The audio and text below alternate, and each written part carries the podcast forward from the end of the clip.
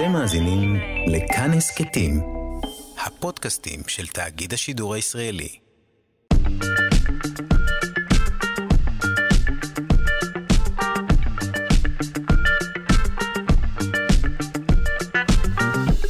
שלושה שיודעים.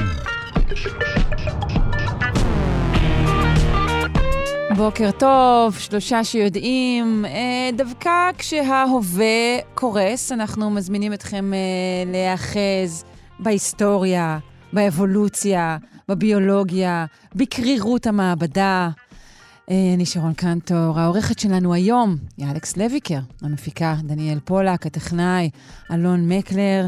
Uh, היום uh, נדבר בין היתר, uh, אולי להכעיס על הקשר בין אופטימיות לאורך חיים, וגם נדבר על הקשר בין משברי אקלים להתפשטות של דתות. אז uh, יאללה, אספרסו מתומן, ונתחיל.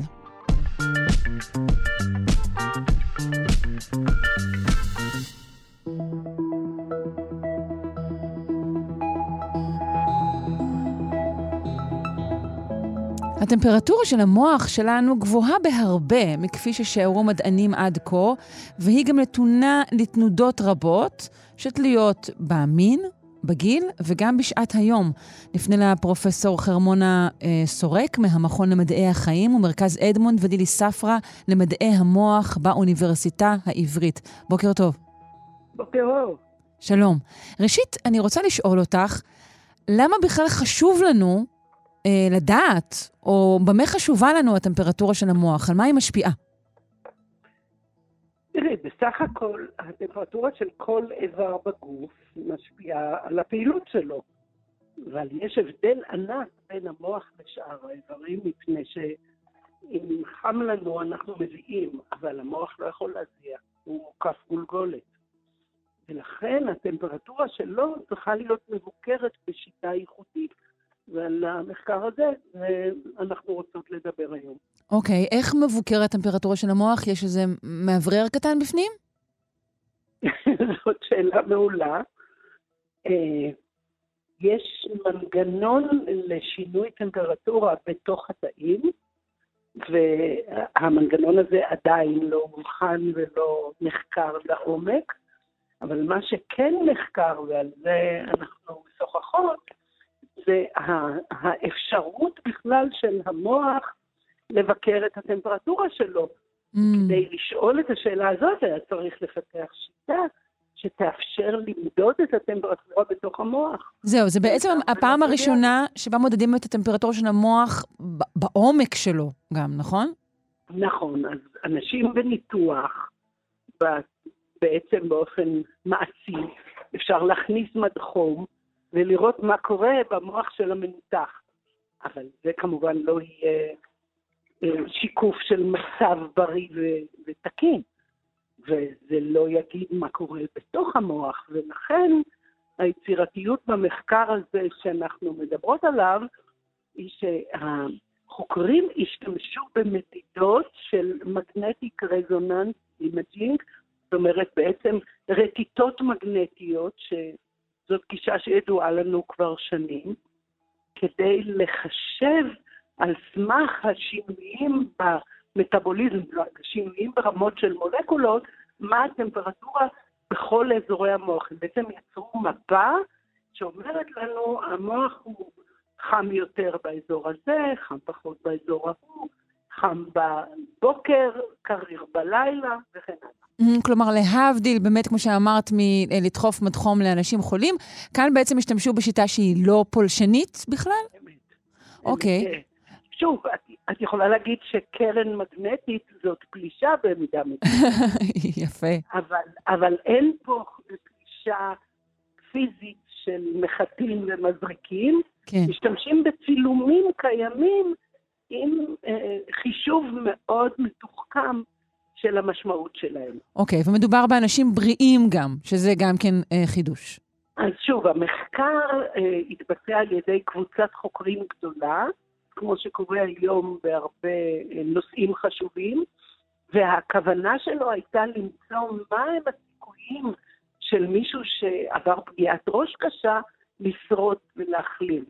Mm, אבל כמובן, כדי למצוא את זה, את צריכה גם דוגמאות ביקורת. כן. אוקיי, אז בואי נגיע, בואי נגיע. באמת לממצאים ולהבדלים בין, בין השעות ובין המינים. אוקיי, אז קודם כל אנחנו יודעים שכמו כל היצורים, אנחנו נתונים לבקרה לפי מחזור היום והלילה. הבקרה הצירקדית, אנחנו קוראים לה. וגם המוח נתון לבקרה הזאת. זאת אומרת שהטמפרטורה בתוך המוח, לפי שיטת המדידה החדשה, אה, משתנה ביום ובלילה. מה שלא נורא מפתיע, כי גם טמפרטורת הגוף שלנו משתנה ביום ובלילה. אוקיי, מה הסיבה אה, לכך שטמפרטורת המוח משתנה? הוא, מה הוא עושה שם, או שהוא לא עושה שם? אה, הסיבה זה, זאת השערה. מהמם. המדידות לא נותנות לך סיבה. ברור, ברור. אני מתייעצת איתך. אבל, כן, אבל אה, בעצם אנחנו אומרים, לא פלא שיש הבדל בין הטמפרטורות של הגוף ביום ובלילה, כי אנחנו מוציאים אנרגיה ביום ולא בלילה. אם אנחנו נחים, אז טמפרטורת הגוף לא חייבת לעלות במידה שהיא עולה כשאנחנו מוציאים אנרגיה. נכון, אבל אם המוח נח בלילה, תראה, להפך, המוח עובד קשה. עובד בלילה קשה, בדיוק. לאפשר את הפעילות שלו ביום. אבל בהחלט יש במוח הבדלים בין הפעילות ביום ובלילה. המוח מתנקה בלילה. את יכולה לעשות הקבלה, העירייה שולחת גדודים של מנקים תמיד לפנות בוקר. למה? כדי שזה יאפשר את הפעילות במשך היום. לא, זה כדי להעיר אותך בשעות שאינן נוחות לך. אז המוח באמת דואג להתנקות במשך הלילה, ולכן השינה כל כך חשובה. כי אנחנו יודעים היום שאחוזים ניכרים מהאנרגיה שאנחנו מוציאים, הם אה, אה, הולכים לתחזוק המוח. אוקיי. זה לא נראה, זה, זה, לא, זה לא נראה הגיוני, אנחנו צריכים לתחזק את הלב כי הוא פועם, את מערכת העיכול כי היא עובדת, את הכליות כי הן מנקזות נוזלים, אבל המוח, למרות שהוא לא עושה את כל הדברים האלה, הוא עובד כל הזמן, אז במשך היום הוא מאוד פעיל, ובלילה הוא מנצל את ההזדמנות שהגוף פחות פעיל, לנקות את עצמו, לשלוח חומרים מזיקים החוצה. עושה דיפרגמנטציה כזאת, כן. ישראלי לשעבר בשם יונתן קיפניס, שבדיוק פענח את המנגנונים האלה. אה, ציינת בכתבה שלפניי, שהדבר השני שהכי חשוב אחרי שינה הוא צחצוח שיניים בהקשר כן, של. המוח. מה? אז אה, את, את יודעת, אני אמרתי את זה לא מזמן למישהו, הוא אמר, את בטח מתלוצצת. כן, לא, זה גם מה שאני חשבתי. לא. מסתבר שחיידקי עששת השיניים עלולים להגיע למוח. תשמעי, זה אנשים מדברים במשך שנים, צחצחו שיניים בשביל זה, בשביל ההוא. לדעתי, אם היו אומרים, אולי כבר לילדים, שחיידקים עלולים להגיע למוח, זה היה מעודד צחצוח שיניים בצורה טובה הרבה יותר. היום אנחנו, זה מחקרים חדשים למדי מ-2019, אבל היום אנחנו באמת יודעים שאנשים עם עששת שיניים מראים מדדים לא תקינים במוח, וזה כנראה עלול אפילו לזרז הידרדרות תמונית של אה, הפעילויות שלהם. וואו. אה, דבר... יש לנו במחקר, במרכז המוח, יש לנו. חוקר שממש מתמחה ב magnetic resonance imaging, אביב מצר, והוא אחד מאלה שמפתחים את הגישות החדשות למדוד את הפעילויות במוח ולייחס להן תפקידים אה, גם ביום וגם בלילה, גם בבריאות וגם בחולי, וההבדל בין גברים ונשים זהו. בזה- זה מצטרף להמון דברים אחרים. אוקיי, מה- כן. מה מה הס- הסיבות המשוערות להבדלים בין גברים לנשים? אה, שוב, המחקרים האלה לא שואלים מהי הסיבה. נכון. הם מאוד מדייקים בכוונה שלהם. הם רוצים למדוד, לעשות את זה נכון ולהעריך את הממצאים. אוקיי. אז כשהם הוכיחו שהנה הם יודעים למדוד את טמפרטורת המוח, הם באמת חזרו לאותם אנשים שעברו פגיעת ראש קשה. ומסתבר שאלה שטמפרטורת המוח שלהם חזרה ותקנה יותר מהר, היו אלה שהיו להם סיכויי החלמה יותר טובים. זאת אומרת, פה הם הוכיחו תפקיד. Mm. שזאת הייתה מטרת המחקר שלהם. אוקיי, מטרת המחקר לא הייתה להוכיח הבדל בין גברים ונשים, ברור. אבל חייבים במחקרים להבחין בין גברים ונשים, כי הביולוגיה היא לא אותה ביולוגיה. נכון. אז גילינו שטמפרטורת המוח של נשים. כן. אה, כן. גילינו שטמפרטורת המוח של נשים הייתה גבוהה ב-0.4 מעלות בממוצע מזו של גברים, אבל לא לאורך כל החודש, נכון? נכון, אז יש השפעה הורמונלית גם על פעילויות המוח, וזה לא חדש לנו. כן, אנחנו יודעים את זה. כן. כל- מה המשמעות של 0.4 מעלות? אין לנו מושג. זה מחקר חדש, הוא בטוח פותח כיוון חדש לעבודות עתידיות, שישאלו, אז מה המשמעות של זה? מה קורה במחלה X? מה קורה בבעיה Y? ו- ואני בטוחה שזה יביא הרבה מאוד תובנות חדשות ומרתקות. כן, לגמרי. אז בינתיים מבחינה אופרטיבית אנחנו נשארים חשיבותה של השינה, חשיבותו של צחצוח השיניים. זה לפחות בשבילנו, מה שאנחנו יכולים בינתיים לעשות. אין ספק. יש עוד, אה, יש עוד דבר. כן? רוצים לשמור על המוח בריא? תמיד שואלים אותי הסטודנטים, תבחרו את ההורים בקפידה יתרה. אוקיי, עובדים על זה. פרופסור חרמון סורק, תודה רבה לך. אה, נזכיר שוב את מהמכון. תודה רבה, מהמכון למדעי החיים ומרכז אדמונד ולילי ספרא למדעי המוח באוניברסיטה העברית. בוקר טוב. בוקר אור.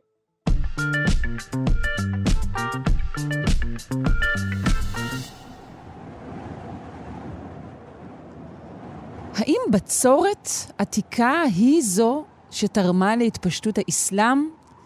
אה, ובכלל, מה ההשפעה של אה, אקלים על אה, מהלכים עמוקים בתרבות, בדת, בפוליטיקה?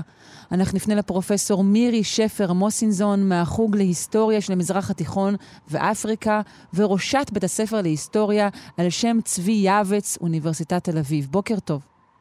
בוקר מצוין. על אילו שנים אנחנו משוחחות כרגע?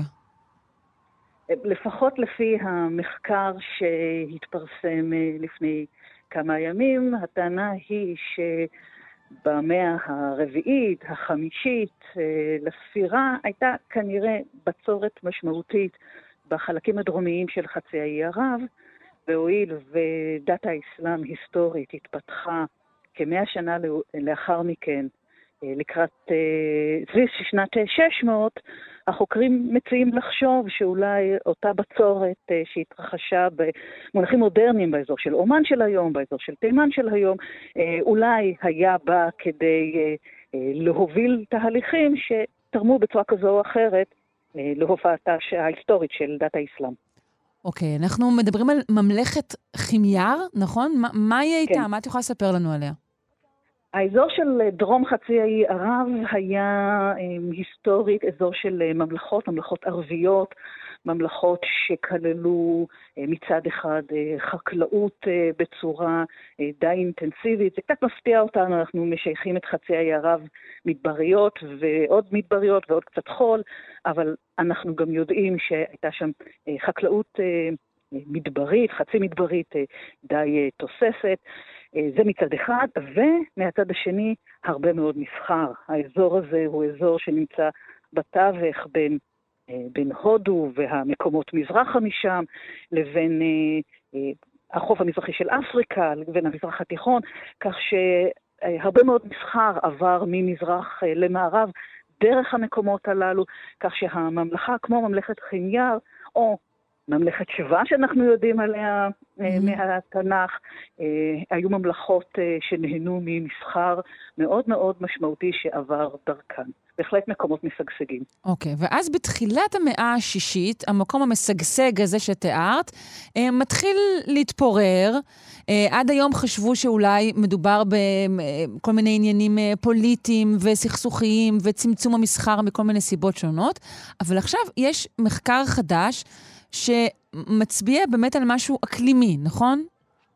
נכון. עכשיו, אנחנו ידענו, עד עכשיו ידענו בעצם כמה דברים. ידענו לגבי באמת המציאות הפוליטית, כמו שאת אמרת, ידענו גם על אפשרות שאסונות טבע מסוימים, כמו רעידות אדמה, שהרסו סכרים אה, וגרמו לשיטפונות, ולכן גם אה, חייבו שבטים רבים לנדוד, אה, וזה השינוי דמוגרפי. ידענו על הדברים הללו כתורמים לירידתה של כימיה ושל ממלכות אחרות באזור הזה. והמחקר החדש אומר, רגע, צריך לחשוב גם על אקלים.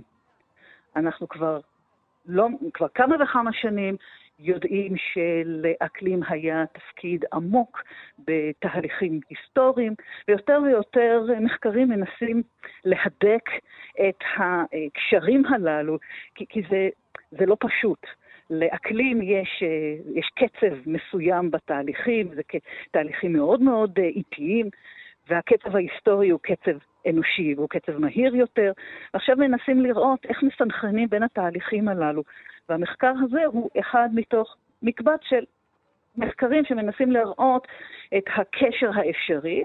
זה מחקר מאוד זהיר, הם אומרים אולי, הם מציעים אה, מחשבה שכדאי, צריך יהיה אה, במחקרים חדשים אה, לקחת את זה הלאה, אבל בהחלט יש לנו כאן מידע שלא ידענו. לא ידענו על האפשרות שהייתה בצורת מאוד משמעותית, ואז את הקשר הזה אנחנו צריכים להמשיך לבדוק. אני חייבת לשאול אותך שוב, מהפריזמה הצרה והלא מאוד מלומדת שלי, האם ייתכן שהפוקוס המחודש על ענייני אקלים, אה, גם במחקרים כאלו, שכמובן אה, אה, עוסקים בעבר הרחוק, הוא אה, תלוי בפופולריות של דיון האקלים כרגע, בימינו. אולי הוא צף גם כתוצאה מזה. א', את צודקת, ב', אני אשאל, אז מה? לא, לא, לא בביקורת, אני רק מתעניינת באיך המחקר אה, מתנווט לו. זה בדיוק זה. את יודעת, הרבה פעמים אנחנו אנחנו, אנחנו החוקרים חיים בעולמנו, במציאות חיינו. והרבה פעמים שאלות שאנחנו שואלים על, אה, על המחקר שלנו, הן בין השאר תולדה של רעיונות, תהיות, אה, בעיות שאנחנו נתקלים במציאות ההווה שלנו.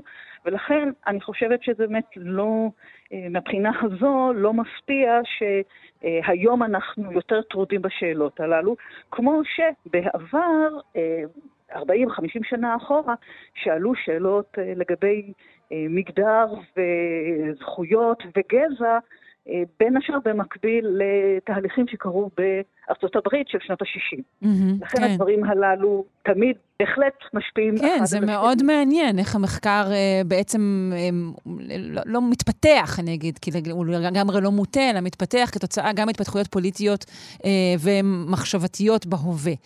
אה, נכון. במרכז המחקר הזה אה, ניצב זקיף, נכון? כן. שאותר נכון. כבר ב-1997. ממש מזמן. נכון, אה, יש, אה, הרבה פעמים יש מבצעים שאנחנו מוצאים ואנחנו לא יודעים מה לעשות איתם, כי אנחנו לא מבינים מה, מה אפשר לעשות איתם, ובמיוחד מחקרים מהסוג הזה שמחייבים קבוצה גדולה של חוקרים, שזה, שזה ניחא, אבל אנחנו מדברים על קבוצה מאוד מגוונת של חוקרים, חוקרים שמגיעים גם מהעולם של אה, הגיאולוגיה וגם מהעולם של אקלים וגם היסטוריונים. והשילוב הזה של אנשים שיודעים לחקור חומרים ויודעים לחקור בכלים אה, מעבדתיים, ואנשים שקוראים טקסטים, השילוב הזה, היכולת העבודה הזו, אה, זו יכולת שאנחנו רוכשים אותה באמת רק בשנים האחרונות. כן. מצד, מצד כולם, גם אנשי המעבדה וגם אנשי הטקסט. Mm-hmm. אז עכשיו אנחנו בעצם יכולים הרבה יותר לדייק, ומגלים במחקר של הזקיף הזה, מה מגלים בעצם על האקלים? או איך, או ליתר דיוק, איך מגלים, כי הבנו שזה אומר שהייתה בצורת, אבל איך בעצם, מה רואים בזקיף שיכול להצביע על בצורת? והואיל ואני מגיעה מהצד של ההיסטוריונים, אז אה, קטונתי מלהסביר בדיוק את הממצאים אה, אה, הכימיים והאחרים שהם אה, שהם מביאים, אבל כהיסטוריונית אני אומרת שאנחנו מבינים שהזקיף הזה אה, יכול להראות שהיו תקופות באמת של מחסור מאוד מאוד משמעותי במים, הווה אומר בצורת. אה, לדברים הללו, כמו אקלים, הם חורכים את האדמה, את האבן, את העץ, והדברים הללו משאירים לנו עקבות. Mm-hmm. ואנחנו עכשיו לומדים להבין מה העקבות הללו אומרים. לפענח אותם. ויחד, ויחד באמת עם ניסיון לתארך ולהבין באיזה אופן זה קשור לתקופות מסוימות ולתהליכים מסוימים. אנחנו לומדים לקרוא את הממצאים הפיזיים הללו אה, כאילו היו טקסט. כן, אז בואי נגיע בעצם, אחרי שהקדמנו וזה, לא, לא הגענו ללב של הדבר, כי בעצם אמרנו שהבצורת הזו היא זו שהביאה, אה, ככל הנראה, אולי, אה, סייגנו אה, לא אחת, כן. ל, לעליית האסלאם. בעצם למה ואיך, ולמה שלאקלים תהיה השפעה על התפשטות של דת בכלל? אז- אז יכול להיות כמה תשובות. קודם כל נתחיל מכך שלדת יש אה, השלכות רבות מאוד. זה לא רק עניין של אמונה, ודאי לא דת כמו דת האסלאם, שהיא דת אה, הלכה, שהיא דת שיש לה משמעות פוליטית מאוד גדולה בעולם הזה. דברים כאלה לא קורים סתם כך. בוודאי לא דברים שמצליחים. אמונות, רעיונות, יש הרבה מאוד, אבל מיעוט שבמיעוט לאורך ההיסטוריה באמת הצליח והפך להיות תופעה כמו הדתות הגדולות, ודאי דת אסלאם היא אחת מהן.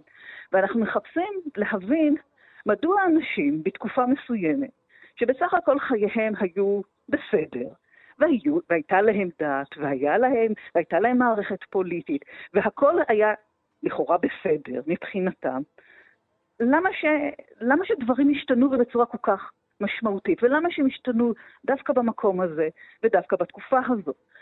וחיפשנו הסברים פוליטיים וחברתיים ותרבותיים, אה, אמוניים, ועכשיו אנחנו מוסיפים שייתכן שמשבר אקלימי שגרם לכך ששבטים רבים ייאלצו לצאת מהדרום וילכו צפונה, אה, צפונה, לחצ... אה, צפונה בתוך חצי האי ערב.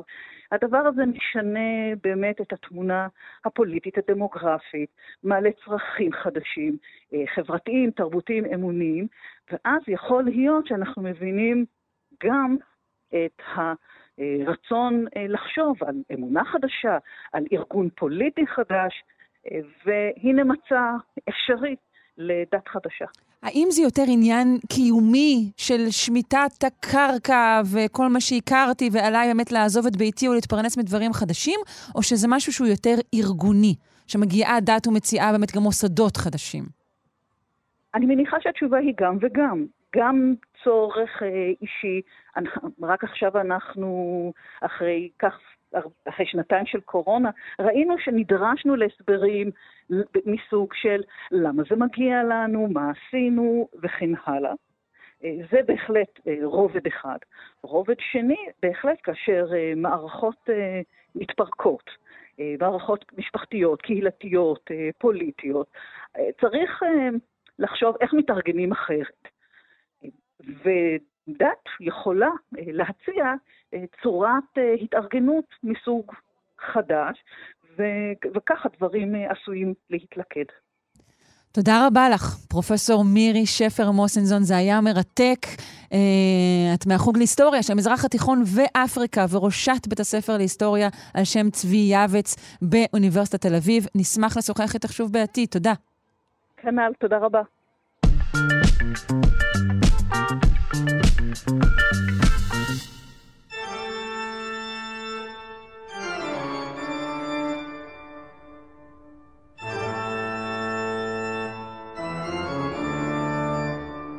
האבולוציה, עם הפרופסור אריאל צ'יפמן, חבר המחלקה לאקולוגיה, אבולוציה והתנהגות באוניברסיטה העברית. שלום.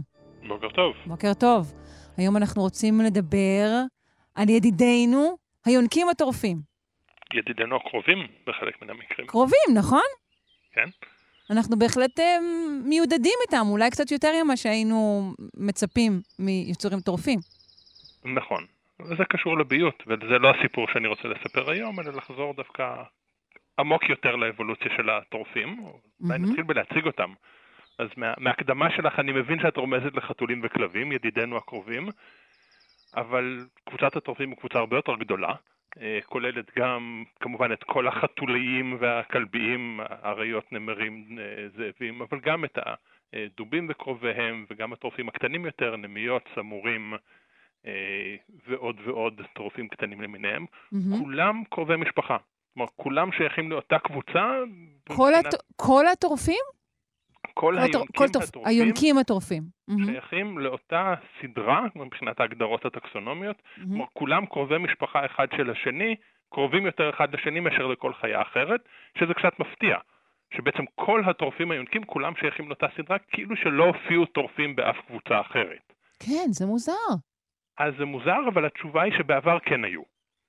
אז אם נחזור אחורה להיסטוריה האבולוציונית של היונקים, שהיא די קצרה, היונקים הם החיות הדומיננטיות על פני כדור הארץ רק בערך עשרה אחוז מתולדות החיים, רק ב-60 מיליון שנים האחרונות פחות או יותר. מהמם. אם נחזור 60 מיליון שנה אחורה, היו טורפים אחרים שהם דווקא קרובי משפחה, קרובים יותר לפרסטנים, קרובים יותר לעיזים וכבשים באופן מפתיע, למרות כמו שקשה לנו מי? לחשוב ספר על זה. לנו על כמה מהם. קבוצה שנקראת מזוניכים, לא משנה בדיוק מי הם ומה הם, מבחינת מבנה כללי, הם דומים לטורפים, קצת קטנים יותר, פחות או יותר בגודל של אה, חתולים גדולים או כלבים קטנים, אה, והם היו הטורפים הדומיננטיים אז, כשהיונקים עוד לא היו קבוצה כל כך מגוונת. מהמם. והם נעלמו ונכחדו והוחלפו על ידי קבוצה אחרת שנקראת הקריאודונטים, שכבר היו דומים יותר ליונקים שאנחנו מכירים, לטורפים שאנחנו מכירים כיום, אבל עדיין קבוצה נפרדת. היונקים הטורפים, הקבוצה שאנחנו מכירים כיום, פחות או יותר מגיעה לשיאה, או סליחה, מתחילה להגיע לשיאה לפני בערך 30 מיליון שנה. כלומר, לא כל כך הרבה זמן. אוקיי. ומה משותף להם בעצם גם היום? אז יש כמה מאפיינים שאפשר לזהות מיד, אם רואים שלד או גולגולת של טורף, אפשר לזהות מיד. קודם כל, יש להם אברי חוש מפותחים, כי הם צריכים למצוא ולתפוס את הטרף שלהם, אז בדרך כלל אנחנו נראה עיניים גדולות שבהרבה מאוד מקרים פונות קדימה. אה, לא תמיד, אבל למשל אחד המאפיינים של חתולים וקרוביהם זה שיש להם עיניים גדולות שפונות קדימה. אחת הסיבות שאנחנו כל כך אוהבים אותם, כי הם מזכירים לנו את עצמנו, יש להם כן, פנים ממש. פנים דמויי אה, אנוש. נכון. אה, אז יש להם גם מוח גדול יחסית ל- ליונקים אחרים, לא גדול כמו של קופים ובני אדם, אבל יחסית לאוכלי עשב יש להם מוח מאוד גדול ומפותח. אבל המאפיינים הבולטים ביותר הם כמובן בשיניים. שיניים. מהמם. לכל הטורפים, לכל היונקים הטורפים של כיום, אה, יש שיניים חותכות קטנות יחסית, או מקבילות לשיניים החותכות שלנו שהן יחסית קטנות, אבל יש להם ניבים. השיניים הבולטות לעין זה הניבים שקיימים גם אצלנו, אבל אצלנו הניבים הם די קטנים. והניבים אצל רוב הטורפים זה, זה כלי ההרג. איתו הורגים את הטרף, כשהאופטימיזציה של הניבים זה להיכנס בדיוק בחיבור בין הראש לצוואר, או בין Mm. הגולגולת לצוואר, ולשבור את המפרקת. כך רוב הטורפים הורגים את הטרף שלהם. וזה כלי הנשק המרכזי, הניב. זה כלי הנשק המרכזי כדי להרוג את הטרף. מהמם. לא, אבל אם הולכים יותר אחורה בלסתות, יש את השיניים החותכות, או השיני הסכין, שהן בעצם מקבילות לשיניים הטוחנות אצלנו, אבל המבנה שלהם הוא כמו סכינים. יש להם זוג שיניים בכל צד, למעלה ולמטה, שעובדות כמו סכין. שממש משוננות, יושבות אחת מעל השנייה ועובדות כמו סכין משוננת כדי לחתוך את הבשר. זהו, זה משמש אחר כך לביטור, לא, לא. לא לשלב ההרג. וזה המאפיין הקלאסי. כלומר, זה, אם, אם אני רואה גולגולת, להרבה יונקים יש ניבים, אבל אם אני רואה גולגולת שיש בה את השיניים החותכות, קוראים להם השיניים הקרנסיות, שזה מהמילה קרנה, שזה בשר. מהמם. אז אם רואים את השיניים הקרנסיות האלה, אפשר לזהות מיד שזה נציג של היונקים הטורפים המודרניים. אגב, מעניין, אם מסתכלים על הקריאודונטים שהזכרתי קודם, היונקים טורפים קדומים יותר, גם להם יש שיניים קרנסיות, אבל זה לא אותן שיניים. כלומר, זה התפתח במקביל, באבולוציה מקבילה, בקבוצה אחרת לחלוטין, אותו סוג של שיניים, אבל לא באותו, מק- לא באותו מקום בלסת. מהמם. יש איזשהו ייצוג אה, בשלד, ל, ל, אני מניחה שצריך חוש ריח מפותח? נכון. יש איזשהו ייצוג בשלד לזה? נכון, אם מסתכלים על גולגולת, אז רואים שכל האזור הקדמי, אזור, האזור האמצעי הקדמי של הגולגולת הוא מאוד רחב ומלא הרבה מאוד חללים קטנים. כי מהמם. שם נמצאים הרקמות הרכות, הרקמות האפיטל, בעצם ה- הרקמות שעליהם יושבים קולטני הריח. אז כל השטח הזה מאוד רחב ומפותל, ואפשר לראות את זה גם בגולגולת. כן. הטורפים, טורפים רק כדי לאכול, או שהם גם אה, טורפים בשביל הספורט? הם טורפים רק כדי לאכול, בטורפים מבויתים האינסטינקט, הנטייה לצוד ולטרוף קיימת, אבל לא תמיד הם צריכים את האוכל. ולכן בטורפים מבויתים, בחתולים ובכלבים, אנחנו רואים גם ציד לשם הספורט.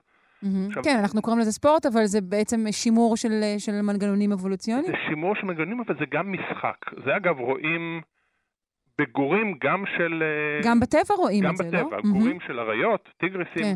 הם משחקים עם הטרף כי זה תהליך למידה. לצוד זה מסובך.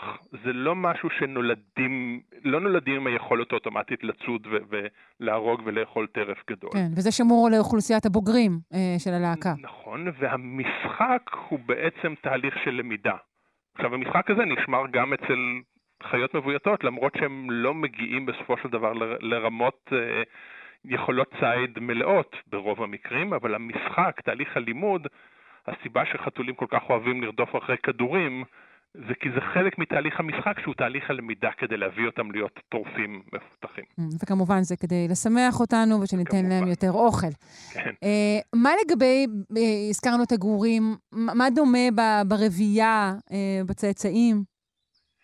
Uh, אין כל כך הרבה דברים משותפים, כי זה קצת משתנה כתלות באקולוגיה של הטורפים השונים. לחלקם יש יותר צאצאים, לחלקם יש פחות צאצאים, לכולם יש טיפול הורי ארוך טווח.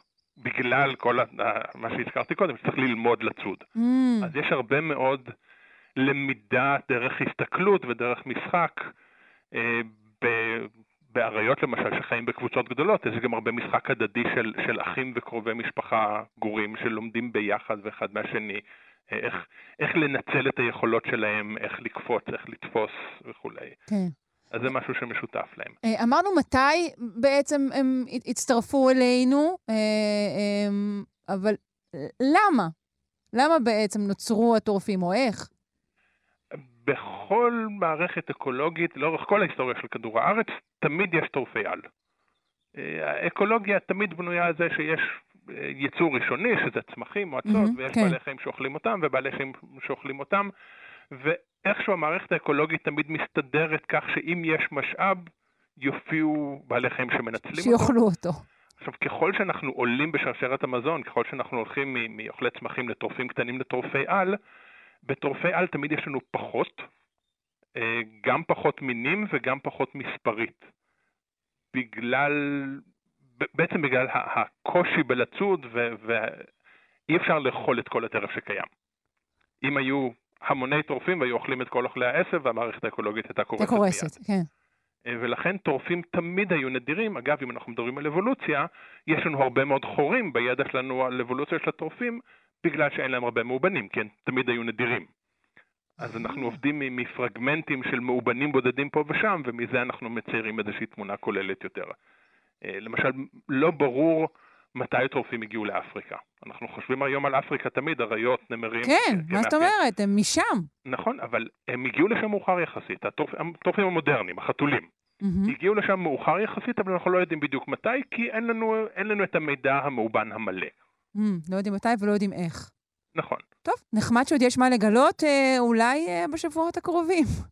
תודה, תודה רבה לך, פרופ' אריאל צ'יפמן, חבר המחלקה לאקולוגיה, אבולוציה והתנהגות באוניברסיטה העברית. להתראות. תודה ולהתראות.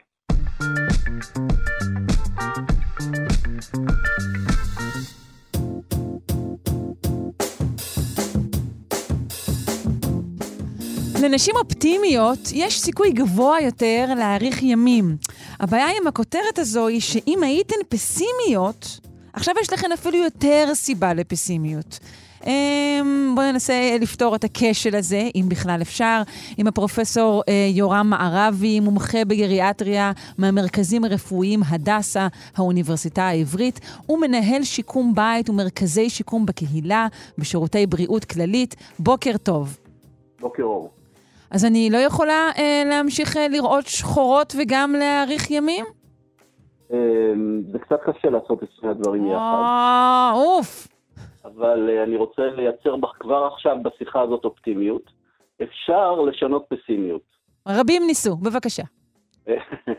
אני יודע שזה דבר שנחשב אה, כאילו לתכונה אה, מוטבעת בנו, מולדת ולא ניתנת לשינוי, אבל גם המחקר שבעקבותיו אנחנו מדברים, וגם המחקר שלנו, שאנחנו פרסמנו לפני שנה באותו עניין, אה, מראה שהפסימיות והאופטימיות אה, הם קשורים מאוד לדרך שבה אנשים מנהלים את החיים שלהם, וזה לאו דווקא משהו מובנה. יש המון מחקרים שמראים שאפשר לשנות את הדרך שלנו להסתכל על העולם. המשמעות של המחקרים האלו שהדרך החיובית יותר מיטיבה איתנו, וכדאי להשקיע בזה. אוקיי. Hmm, okay. uh, מה מצא המחקר הזה, וגם uh, הזכרת כבר את המחקר שלכם גם, מה, מה הקורלציה שנמצאה? השאלות שהיו בשני המחקרים האלו התבססו על, על מחקרים קודמים שהראו כבר קודם, שאופטימיות מאריכה חיים, ואופטימיות uh, מיטיבה עם הבריאות. את זה ידענו. השאלות שעלו היו עד כמה זה מתמשך לתוך גיל הזקנה. זו הייתה השאלה שאנחנו mm-hmm. שאלנו, אנחנו בדקנו את זה גם בבני 90 ומעלה. Mm-hmm. והשאלה הנוספת שהם שאלו, המחקר הזה, המחקר הזה אה, טען שרוב המחקרים היו על אנשים אה, לבנים. אה, המחקר הזה נעשה בארצות הברית על ידי קבוצה מהרווארד, ועניין אותם האם זה מופיע גם ב... אה, קבוצות אתניות אה, נוספות. היספנים, כן. לטינים. שחורים וכולי. והתשובה הייתה כן.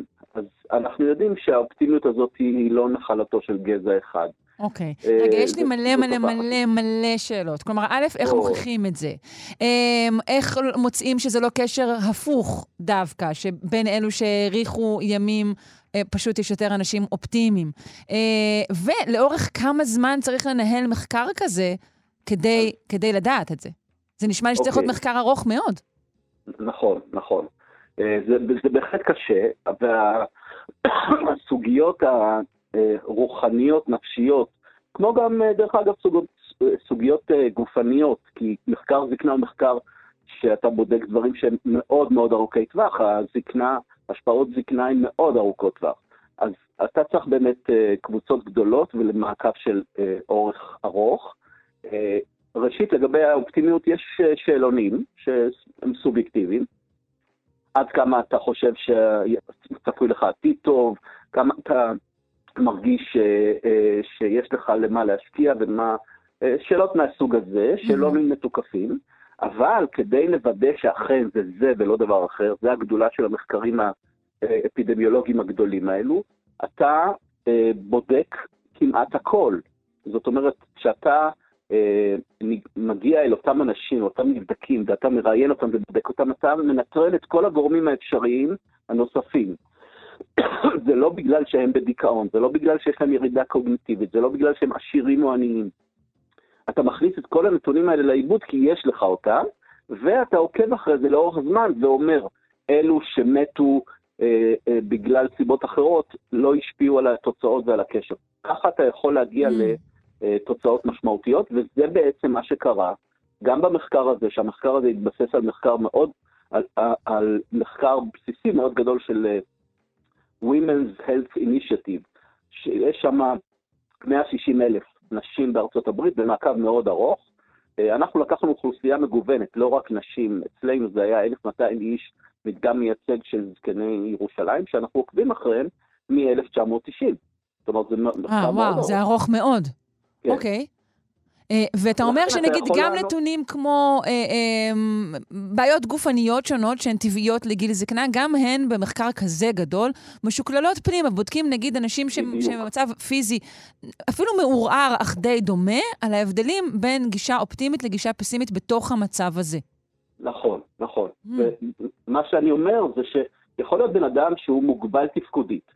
ומתנייד בכיסא גלגלים, שלנו נראה שזה לא דבר שאפשר ליהנות ממנו, או, או, והוא עדיין אדם שרואה את החיים בצורה חיובית, ומצבו יהיה טוב יותר. זהו, הוא רואה אותם קדימה. קדימה הוא רואה אותם בצורה חיובית, זה מה שיפה פה.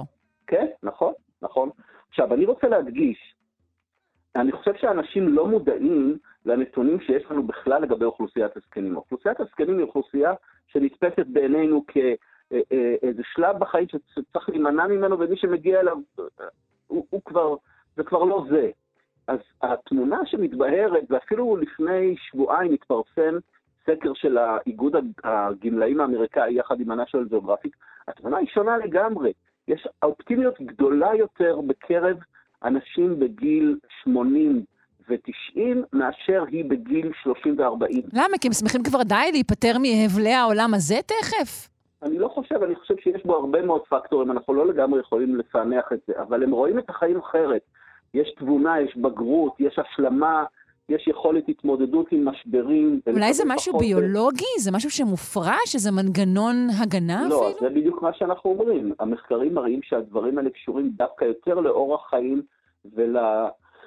ולצורה שבה אנחנו מסתדרים לעולם מאשר נתונים ביולוגיים.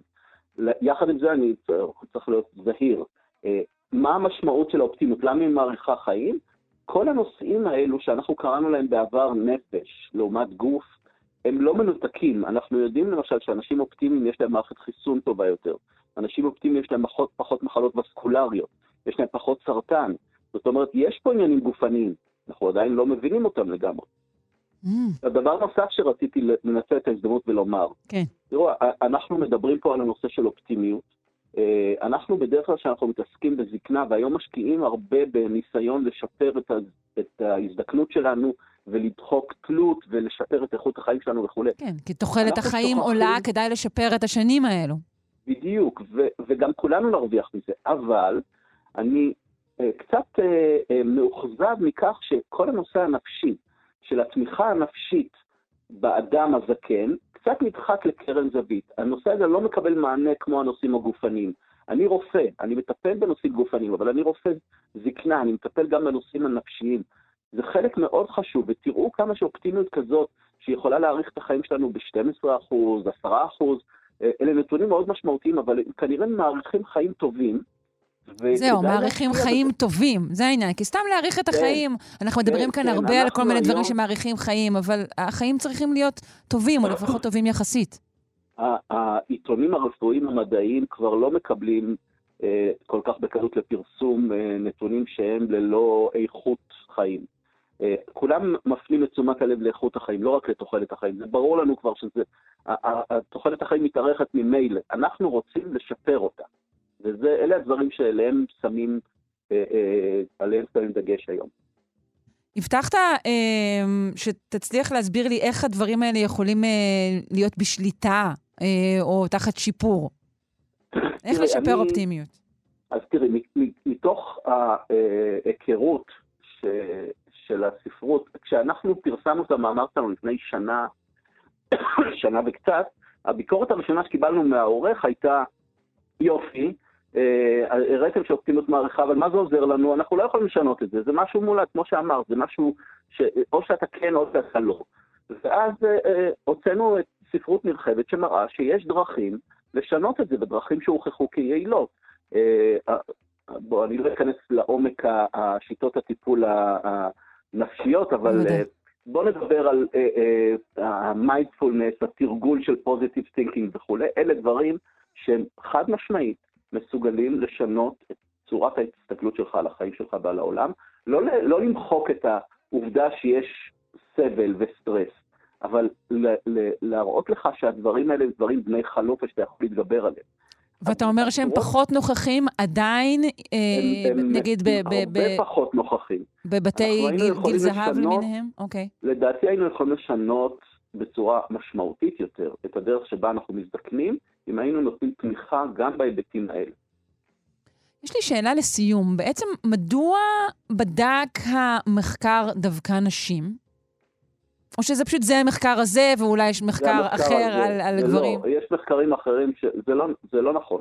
אנחנו מצאנו שהאופטימיות אה, דווקא הייתה משמעותית יותר בקרב גברים מנשים. אה, הם בחרו את המחקר שלהם כי זה היה, זו קבוצה שרצה כבר הרבה מאוד שנים, והיא עוסקת רק בנשים. זה Women's Health Initiative. זה שני, שני מחקרי ענק שיצאו בארצות הברית בשנות ה-80, ה-Women's Health Study ו-Women's Health Initiative, מחקרים מאוד חשובים, ששינו הרבה מהתובנות שלנו, אבל הם יצאו מה, מתוך הייחוד של נשים במערכת הבריאות בגדול. אה, הנושאים של הורמונים, גלבלות, אה, בריאות גופנית ודברים כאלה, ולכן הם הקימו את המחקר הזה רק בנשים. ולכן, מכיוון שהמחקר הזה כבר רץ וכולי, אפשר להוציא ממנו נתונים. כן, טוב, לא אנחנו... כן, אנחנו צריכים uh, לסיים בשלב זה. Uh, uh, תודה רבה לך, ננסה לפתח אופטימיות, אם לא לשמור עליה. פרופ' יורם מערבי, מומחה בגריאטריה במרכזים הרפואיים הדסה, האוניברסיטה העברית, ומנהל שיקום בית ומרכזי שיקום בקהילה בשירותי בריאות כללית. בוקר טוב. תודה רבה.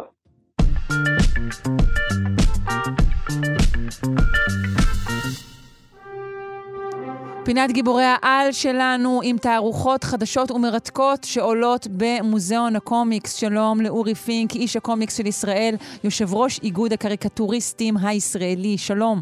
היי, בוקר טוב שרון, בוקר היי. טוב. אז אה, יום חג הוא לחובבי הקומיקס. כן, האמת שבכלל, תשמעי, יש כל הארץ מלאה באירועי קומיקס, ממש...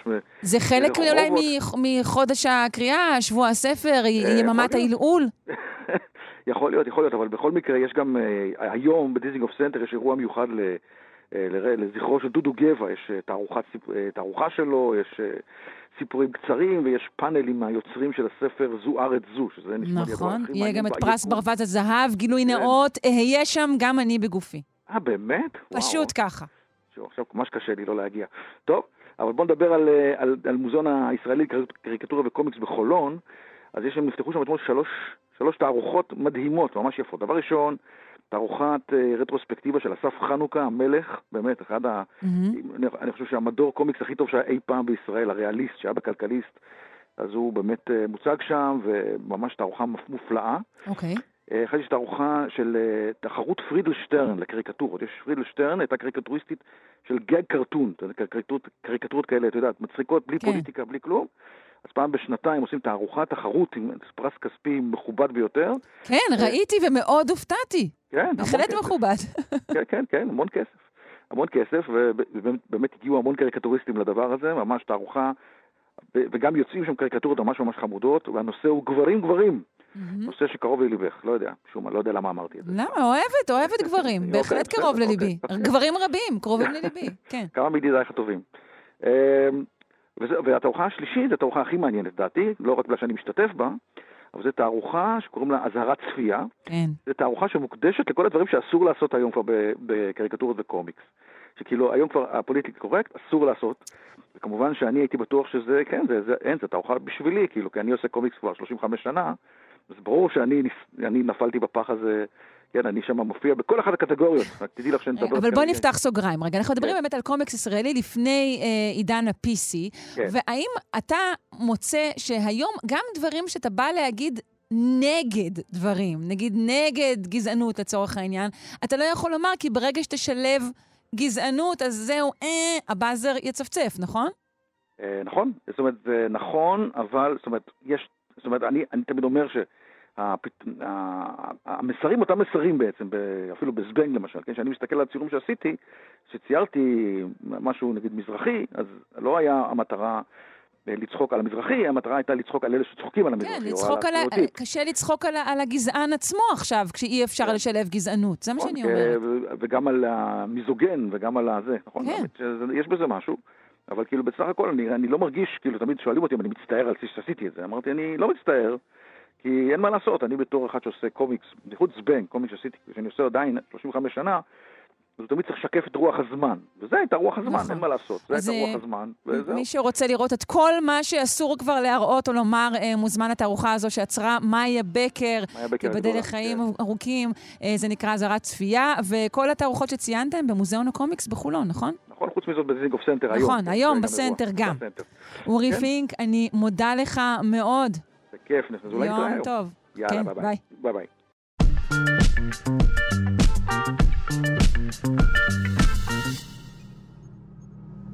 אנחנו עם אה, פיתוח רפואי מרתק. חוקרים מציעים גישה חדשה לטיפול בגידולים מוצקים באמצעות יצירת ננו-חלקיק חדשני. בואו נכיר את הננו-חלקיק הזה עם הפרופסור אה, מירה ברדה סעד, אימונולוגית מאוניברסיטת בר אילן, נשיאת האגודות לביולוגיה ניסויית בישראל. האגודה, אני מניחה. שלום. בוקר טוב. בוקר טוב, פרופסור. ראשית, מה הם אה, אותם ננו-חלקיקים? או בעצם, יודעת מה? לא. אנחנו נתחיל אחורה. אה, גידולים מוצקים, במה הם נבדלים מגידולים אחרים? אנחנו כבר יודעים תקופה ארוכה שיש הרבה מאוד אתגרים לטיפול בגידולים מוצקים. משום שככל שהגידול גדול יותר והרקמה של גידולית היא יותר סטיף, יותר קשיחה, יש בעייתיות לתאים של מערכת החיסון, ואני אימונולוגית בתחומי, לחדור ולהסתנן לתוך הגידול המוצק ובעצם להילחם בו. אה, והרבה פעמים נוטים אפילו לעבור למצב של התשה. הם פשוט מתעייפים והם אה, שוכבים בטן גן אה, ולא עושים את פעולתם. הסביבה הגידולית היא סביבה מאוד מעכבת של התאים של מערכת החיסון, ואחד האתגרים הגדולים ביותר זה איך להפוך את הסביבה העוינת הזאת לסביבה שהיא יותר ידידותית לתאים של מערכת החיסון, על מנת שהם יעשו את פעולתם בצורה היעילה ביותר והמהירה ביותר. ובעצם הפיתוח הזה של קבוצה אמריקאית מנורס קרוליינה, הוא פיתוח של חלקיקים, שזה כמו בועיות של אה, שומנים, שבתוכם מכילים כל מיני חיישנים, שברגע שהם מגיעים לסביבה הגידולית, הם פותחים, נפתחים ומשחררים חומרים שמעכבים את המעכבים של תאים של מערכת החיסון, ועל ידי כך מגבירים את פעולתם בסביבה הגידולית בסרטנים מוצקים. זאת אומרת שבעצם יש פה אה, פריצת דרך מאוד משמעותית, שאותה סביבה גידולית שהיא אה, מעכבת, היא בעצם מתוכנתת מחדש באמצעות אותם חלקיקים חכמים, והופכת להיות ידידותית, כך שבעצם תאים של מערכת חיסון יפעלו ביתר אה, יעילות. עכשיו, אה, יש הרבה מאוד אסטרטגיות אימונותרפויטיות שפותחו לאחרונה, והן כבר נכנסו כבר גם לקליניקה, אה, ואחת האסטרטגיות זה Immune Checkpoint Inhibition, שבו בעצם אנחנו נותנים כל מיני אה, נוגדנים שמעכבים את, הקולט... את העיכוב של תאים של מערכת החיסון, אבל גם האסטרטגיה הזאת שאנחנו משתמשים בה, אנחנו יודעים שהיא לא במאה אחוז יעילה, בגלל שקיימים מעכבים נוספים בסביבה של, של הגידול. והחלקיקים האלה שפותחו על ידי הקבוצה האמריקאית, הם בעצם אמורים אה, עוד צעד נוסף להתגבר על הסביבה המעכבת ולגרום לסביבה להיות יותר אה, ידידותית. איך מוחדרים אותם ננו-חלקיקים? אז הם עובדים בעצם במודלים עכבריים, כמובן שיש עוד אה, מרחק עד שזה יעבור למודלים של בני אדם, וייבחנו מבחני הבטיחות והיעילות, אבל באופן עקרוני כמובן שהשאיפה היא לתת את זה או בהזרקה או באופן אוראלי. אנחנו ראינו את ההתפתחות ופריצת הדרך של החלקיקים האלו, גם שמכונים גם ננו-וקסין, אה, באפידמיה הגדולה אה, של הקורונה. גם שם היה בעצם שימוש של חלקיקים במטרה להביא אה, mRNA אה, וליצור אה, חיסון לאותו נגיף. השימוש הזה, אני חושבת שמהלימון יצא לימונדה, כי בעצם המצוקה הזאת שכולנו נקלענו אליה, גרמה להרבה מאוד התפתחויות וחידושים בנושא הננו-ביולוגי, בנושא של חלקיקים, וכעת הרבה מאוד קבוצות מחקריות וגם חברות עובדים על שימוש. אה, בטול הזה, שהוא מאוד פארפול, שהוא מאוד רב עוצמתי, כדי לפתח אסטרטגיות טיפוליות לא רק אנטי-נגיפיות, אלא גם אה, לסרטן וגם אה, אולי למחלות נוירו-דגנרטיביות. אז אני חושבת ש, שהפריצת דרך היא מאוד משמעותית, ו, ויש פה איזושהי אופטימיות זהירה שאנחנו אה, בהחלט אה, משביחים את הכלים שעומדים אה, לרשותנו. זה מרתק מה שאת אומרת, זאת אמירה גם רדיקלית וגם אופטימית לגבי מה שבעצם הקורונה אולי אה, עשתה גם אה, לעולם המחקר. אה, רציתי לשאול אותך, האם הגישות האלו זה מה שרווח עכשיו, כלומר עידוד של מערכת החיסון עצמה, במקום טיפול אה, מבחוץ, לעודד בעצם את הגוף לרפא את עצמו? זה כן, תחום האימונותרפיה הוא תחום מאוד חם. אה, יחד עם זאת, אנחנו צריכים לזכור שבעצם יש פה כמה גורמים בסביבה הגידולית. יש את ה-tumor microenvironment, הסביבה של הגידול, ויש את הגידול עצמו. אז אה, קיימות קבוצות מחקריות שמתמקדות בתאים של מערכת החיסון להגביר את הפעילות שלהם, יש כאלה שמתמקדות איך למתן את הסביבה הגידולית ולמתן את כל ההשפעות השליליות שלהם, ויש כאלה שמתמקדים בתאים הסרטניים עצמם. ויש כאלה שמשתמשים בכלים שיכולים לעשות מספר פעולות. למשל שימוש בנוגדנים, שבעצם יש להם כמה זרועות, שהם יכולים מצד אחד לפעול על תאים של מערכת החיסון, מצד שני לפעול על התאים הסרטניים. זאת אומרת, הייתי אומרת שהפיתוח של הכלים, השמיים הם הגבול מבחינת הרעיונות וגם מבחינת הביצועים, ואנחנו נקווה שמשהו מהמכלול הגדול הזה יביא לפריצת דרך גם קלינית, לא רק מדעית. אנחנו מדברים על, על גידולים מוצקים, כמו שציינו. כן, הם, כן. באילו סוגי סרטן הם נפוצים? אז uh, הקבוצה הספציפית הזאת מנורסט קרוליינה היא עבדה על גידולי שד, על מעי uh, וראש צוואר. אני מניחה ששוב, האסטרטגיה שלהם uh, תורחב לגידולים מוצקים נוספים. Uh, ובואו נראה. בינתיים, כמו שאמרתי, זה במודלים עכבריים, אנחנו צריכים להעמיד את הדברים על דיוקם. ושוב, קיים, יש עוד לא מעט זמן ומאמץ שצריך uh, להיות מושקע פה כדי להעביר את זה למערכות הומניות כמובן, של בני אדם, ולבדוק את זה במבחנים של uh, רעילות ויעילות. כן. Um... חוקרים רציניים כמוך לא אוהבים שאלות מהסוג הזה, אבל אה, עד כמה אה, פיתוחים כאלו נותנים לנו תקווה שבאמת אה, המחלה הקטלנית ביותר, שכולנו בעצם אה, רועדים מסוגיה, שהיא סרטן, אה, לצד כל שאר המרעין והבישין, עד כמה אנחנו קרובים אולי להכניע את רובו? אני באמת לא אוהבת שאלות מהסוג הזה, כי אה, את יודעת, כמדענית אני מאוד אוהבת לדייק בדבריי. כן. אה, ובמקרה הזה אני יכולה להגיד ש-your guest is good as mine. אה, אנחנו עושים את מירב המאמצים, אה, וזה כלל עולמי, זה לא רק בארץ, גם בארץ. יש לנו פה קבוצות מחקר מדהימות, אבל זה גם בעולם. ואני מקווה שהשיתוף פעולה העולמי הזה באמת יקדם אותנו כמה שיותר מהר לפתרונות. אני חושבת שכבר היום האסטרטגיות שלנו, כמו ה-immune checkpoint inhibitor שכבר נכנס לקליניקה, והקר, חימריק אנטיג'ן רספטור, בהחלט אה, הן אסטרטגיות שמסייעות בריפוי של חולים שלא היה להם פתרון אה, קליני עד היום. אה, אבל יחד עם זאת, המאמצים עדיין נמשכים, ואני מניחה שזה גם עניין של שנים. תודה רבה לך, פרופסור מירה ברדה סעד, אימונולוגית מאוניברסיטת בר אילן, נשיאת האגודות לביולוגיה ניסויית בישראל. בוקר טוב. תודה רבה ויום טוב.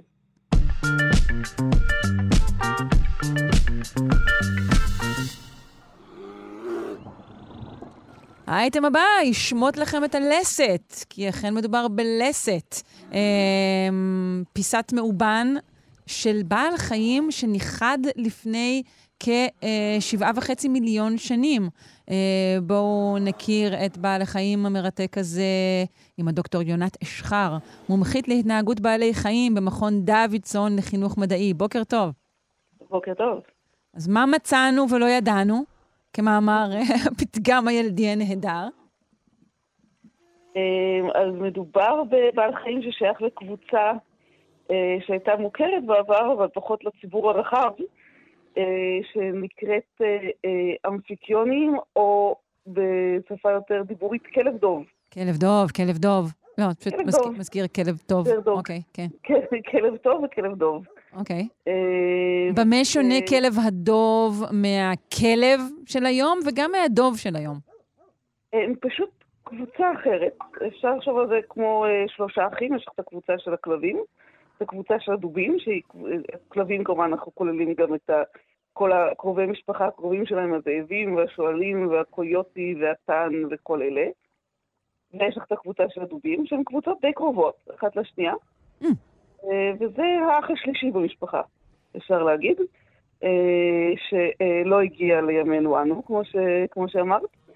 אה, אבל פעם היה ממש במצאות מאובנים שלהם גם באירופה, גם באמריקה, חושבים שאולי הם התחילו, פתחו לראשונה באמריקה, בצפון אמריקה, גם באסיה, באפריקה, והמין הספציפי הזה חי בצפון מערב צרפת, מצאו אותו ככה ליד הרי הפירינאים, ובאמת מצאו לסת מאובנת, אה, אבל אנחנו יכולים ללמוד הרבה מלסת, בעיקר אם יש בה שיניים, כי שיניים זה הדבר שחוקרי המאובנים הכי הכי אוהבים. למה הם הכי אוהבים את השיניים? כי הם מעידים על התזונה בעיקר, או...? גם הם מעידים על התזונה, ולפי באמת השיניים החוקרים משערים שהם היו... כל, ה, כל הכלב, כלב, כלבי דובים האלה היו קרניבורים, היו אוכלי בשר, אבל היו כאלה שאכלו גם בשר וגם דברים אחרים, היו כאלה אה, שאכלו רק בשר, והם חושבים שהם היו מהקבוצה של אוכלי בשר שהתמחו בשבירת עצמות. ממש אה, לשבור עצמות. אז זה אחד הדברים שהשיניים יכולים להגיד, יכולות להגיד לנו. שיניים הן גם אה, מאוד שונות, יש להן הרבה מאוד מאפיינים, הן מאוד שונות, יכולות להיות מאוד שונות ממין למין, אה, והן בעיקר נשמרות אה, הרבה זמן, הן מאוד מאוד מאוד חזקות, האמייל של השיניים הוא מאוד מאוד חזק. אה, ולכן הרבה פעמים אה, אה, כל מה שיש לנו ממורבנים זה תפיסות עצם ושיניים. ושיניים נשארות שלמות ואפשר לפיהם להגיד, השן הזאת היא שונה מהמין שמצאנו קודם, או היא שייכת לאותו מין שמצאנו קודם. שן ש... ש... שן שנועדה לפירוק עצמות, אה, מה היו המאפיינים שלה? תהיה חזקה יותר, חדה יותר, כן, או ההפך דווקא, כהה יותר? אז הן יהיו קהות, אבל הן יהיו אה, גדולות מאוד. אה, כן, וגם השאלה היא אה, כמה יש לך טוחנות, כמה מה שנקרא פרימולר, סתם טוחנות. זאת אומרת, אה, אה, בדיוק איזה סוגים של שיניים יש לך וכמה מכל אחד. אה, זה עזר להם לקבוע שזה שייך למשפחה הזאת באמת של ה... של ה... מתוך הכלבי דובים, של אלה שהם, אה, שהם גורסי עצמות. Mm, המין החדש הזה. הם חושבים שהוא היה מגודל של 200 קילוגרם, לפי הגודל של הלסת. זה, זה גודל, זה גודל החיה הממוצע, המשקל אה, שלו. כן, אה, זה הגודל של, ה, של המאובן הספציפי הזה, שרק זה המאובן היחיד עד כה שמשוייך למין הזה. בעצם הם הכריזו על סוג ומין חדש. אז איך אנחנו יודעים דברים על... אנחנו מסיקים דברים מן הסתם מן הפרט הזה על, על, על שאר אה, אה, בני מינו, שאיך אנחנו מתארים אותם? איך הוא נראה, החבר הזה?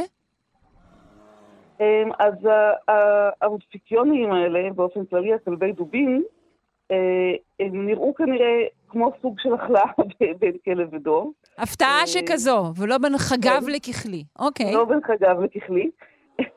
כן, אז הם היו קבוצה די מגוונת, אה, היו ביניהם ממש קטנים, אה, ששקלו אה, אה, תשעה קילוגרם, זה כמו כלב קטן. אה, והיו כאלה, המין הכי גדול שידוע שקל כנראה משהו באזור ה-320 קילוגרם, שזה כבר וואו, זה דוב. המון.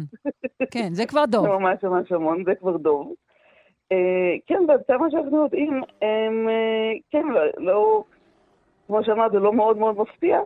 אה, אבל הם נראו בערך אה, באמצע הדרך בין, ה, בין הכלבים הדובים, ולכן גם הם אה, קיבלו את שמם. באיור המצורף אה, אה, לידיעה זו, למחקר הזה, נראה שיש כן. להם זנבות ארוכים במיוחד. ידוע לך משהו על הזנבות האלו? כן, אז המין הזה, אנחנו לא יודעים שום דבר על הזנב שלו, כי אנחנו, יש לנו רק ליפות. אה, סתם ציירו לי זנב יפה, אוקיי. כי זה נראה זנב אה, כמעט ב... קופי באורך שלו. נכון. אבל הכלבי דובים האחרים יכולים להגיד לנו שיש uh, באמת, uh, כנראה אולי מתנבות יותר מ- מלדובים בני ימינו. Uh, אבל אני חושבת שהתיאור שה- של הזנב הקופי הזה הוא uh, בסופו של דבר, מה שנקרא, הדמיון של, ה- של הצייר. אוקיי. Mm, okay. אנחנו יכולים לדעת, נגיד שכן, יש כאן איזה משהו, איזשהו בסיס, מדוע התקצר זנבם אה, של הדובים, וגם של הכלבים יחס לזנב הזה. כן. אה, זו שאלה מעניינת. אה, יכול להיות שלמשל, אם הבעלי חיים האלה חיו יותר, אה, היו יותר למשל מטפסים על עצים, אז הם היו צריכים את הזנב שלהם יותר כמו, של ה... כמו שיש לחתולים בימינו, שיש להם זנב יותר מרשים בדרך כלל. Mm-hmm. אבל אני לא יודעת. אוקיי. Okay. אה, לקינוח נדבר, הזכרת את השם הלועזי אה, היפה של המין החדש הזה, שנקרא טרטרוקיון. כן. מה מקור השם היפה הזה? כן, אז טרטרו זה אה, פשוט איזשהו אה, ענק מיתולוגי מהאזור. אה, mm. מהאזור של הרי הפרינאים ושל הבסקים. Mm-hmm. שהוא היה אה, מעין אה, קיקלופ כזה, נכון? הוא היה אה, בעל כן. עין אחת. כן, והוא אה, אה, אכל בני אדם. שהטרטר אוקיון הזה לא אכל בני אדם, כי לא היו שם בני אדם באותה תקופה. כן, יש לזכור. אנחנו מדברים על התקופה של המובן הזה, זה בין 12 ל-13 מיליון שנה לפני זמננו. אבל כן, בגלל שהוא היה כל כך גדול, 200 קילוגרם של כלב דור, זה לא רע, אז הם, ואוכל בשר, אז הם נתנו לו את השם טרטרו. טרטרוקיון זה בעצם כלב טרטרו. Mm, אז. ענק אוכל בשר שהוא גם כלב. שזה על שום הלסת הגדולה שלו. אה, כן, אבל שהם אה, באופן כללי, כל המשפחה הזאת נקראת אמפיקיונאידים, שזה משהו כמו בערך כלב ביוונית. בערך כלב, אוקיי.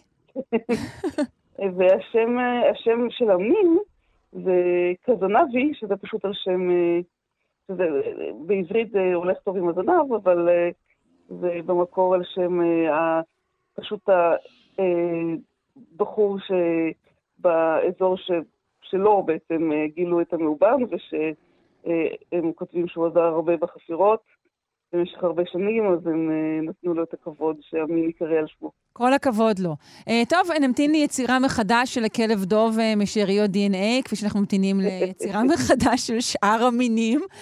אני מודה לך מאוד. דוקטור יונת אשחר, מומחית להתנהגות בעלי חיים במכון דוידסון לחינוך מדעי. בוקר טוב. בוקר טוב.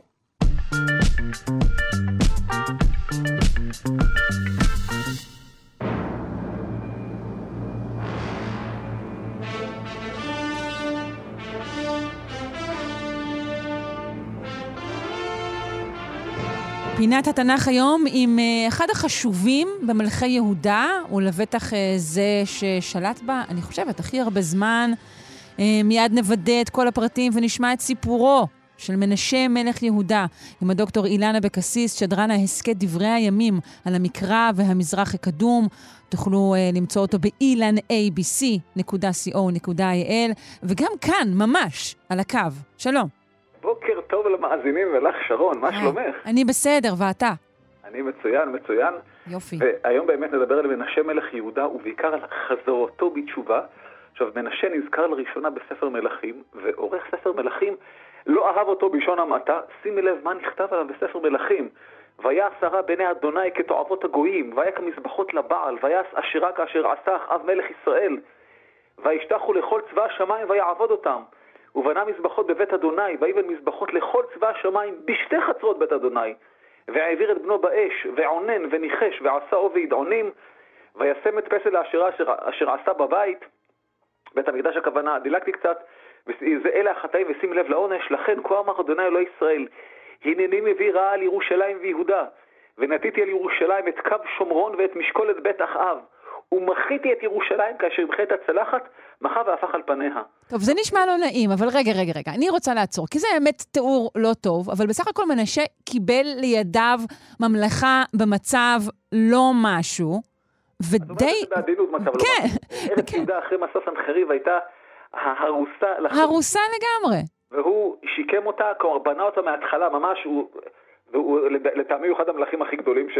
זהו, הוא ממש שיקם ושיפר, ודווקא היה נגיד סובלני בענייני דת, אולי באמת סובלני מדי, אה, לפי המחבר המקראי. לא, סובלני במונחים שלנו, כן. בימיו זה עכשיו, כמו שקראנו, אלה דברים מאוד חמורים, ומנשה בעצם עבר כל עבירה אפשרית, ובגלל חטאיו חרבה ירושלים, הגם שירושלים חרבה כמעט 60 שנה לאחר מותו. עכשיו, אה, חשוב להבין דבר אחד, שרון.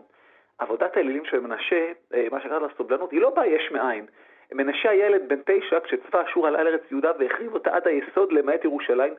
מנשה בתור ילד ראה את עוצמת הצבא האשורי, וחשוב מכך, בתפיסה של אנשי קדם, זה לא שצבא אשור ניצח את צבא יהודה, אלא שאלוהי אשור ניצח את אלוהי ישראל. עכשיו, מנשה עלה לכס בגיל 12.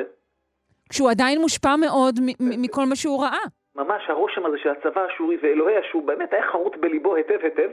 ובוא נאמר, אם זה לא יועיל, אז גם לא יזיק לעבוד גם את האלוהים החזקים האלה.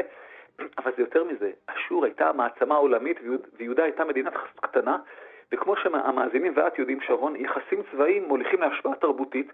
אתן לך דוגמה, בשנות ה-50 וה-60, ספק הנשק העיקרי שלנו הייתה צרפת, אז היינו פרנקופילים, והוא מעל 50 עכשיו שארצות הברית היא ספקית הנשק העיקרית שלנו. ואנחנו אמריקנופילים, בוודאי. התרבות נכון. האמריקנית תהיה דומיננטית בארץ. אה, ככה זה, אין מה לעשות. נכון. עכשיו, אנחנו, אז, אז זה מה שכתוב במלכים, אבל הוא מוזכר שוב בדברי הימים.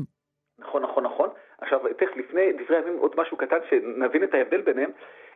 עכשיו, לפי ספר מלכים, ירושלים חרבה בשל חטאי מנשה, וזה נותן לנו באמת הצצה על תפיסת הגמול של ספר מלכים, תפיסה המכונה גמול קיבוצי לדורות. מה הכוונה? העם חוטא, חוטא, חוטא, בשלב מסוים לאלוהים נמאס והוא מביא את העונש על אחד הדורות שחוטף עבור חטאי הדורות הקודמים. מה שגם ירמיהו וגם יחזקאל כינו אבות אכלו בוסר ושני בנים תקהנה. אבל במובן דורי לחלוטין, כן. חד משמעית. עכשיו, לתפיסה הזו יש בעיה, ומה הבעיה? שהיא לא צודקת מצד אחד, כי אני יכול להיות צדיק מושלם ועדיין להיענש על מעשים של, של אנשים שמתו לפני 200 שנה, ודבר נוסף, אין לי כל מוטיבציה להיות צדיק בעצמי, כי אין קשר בין מעשיי לבין הגבול. אתה יודע מה זה מזכיר לי? זה מזכיר לי את מה שאומרים היום על משבר האקלים, שכל הצעירים, המילניאלס והזילניאלס, מאשימים את הבומרים שהרסו את העולם, ועכשיו פה אנחנו צריכים לתקן את זה. זה בערך אותו דבר. כן, יש, יש, כן, כן, אבות אכלו בוסר, זה נכון, יש, לפעמים יש את זה. עכשיו, בספר דברי הימים, שנכתב כמה דורות אחרי ספר מלכים, יש תפיסת גבול שונה ואחרת. תפיסה המכונה גמול אישי, איש בחטאו יומת. עכשיו, לפי ספר דברי הימים, כל אחד ואחד מקבל גמול לפי מעשיו. עכשיו, תפיסת הגמול המקראית הקלאסית היא צדיק וטוב לו, רשע ורע לו. ואיך יודעים שאדם הוא צדיק? פשוט, הוא, אם הוא צדיק, הוא, אמור, הוא זוכה לגמול ראוי, ומהו הגמול הראוי? הגמול הראוי הוא פשוט, אריכות ימים ואושר חומרי. איך כתוב? למען יאריכון ימיך ולמען ייטב לך. עכשיו, בספר מלכים מנשה תואר כמלך חוטא.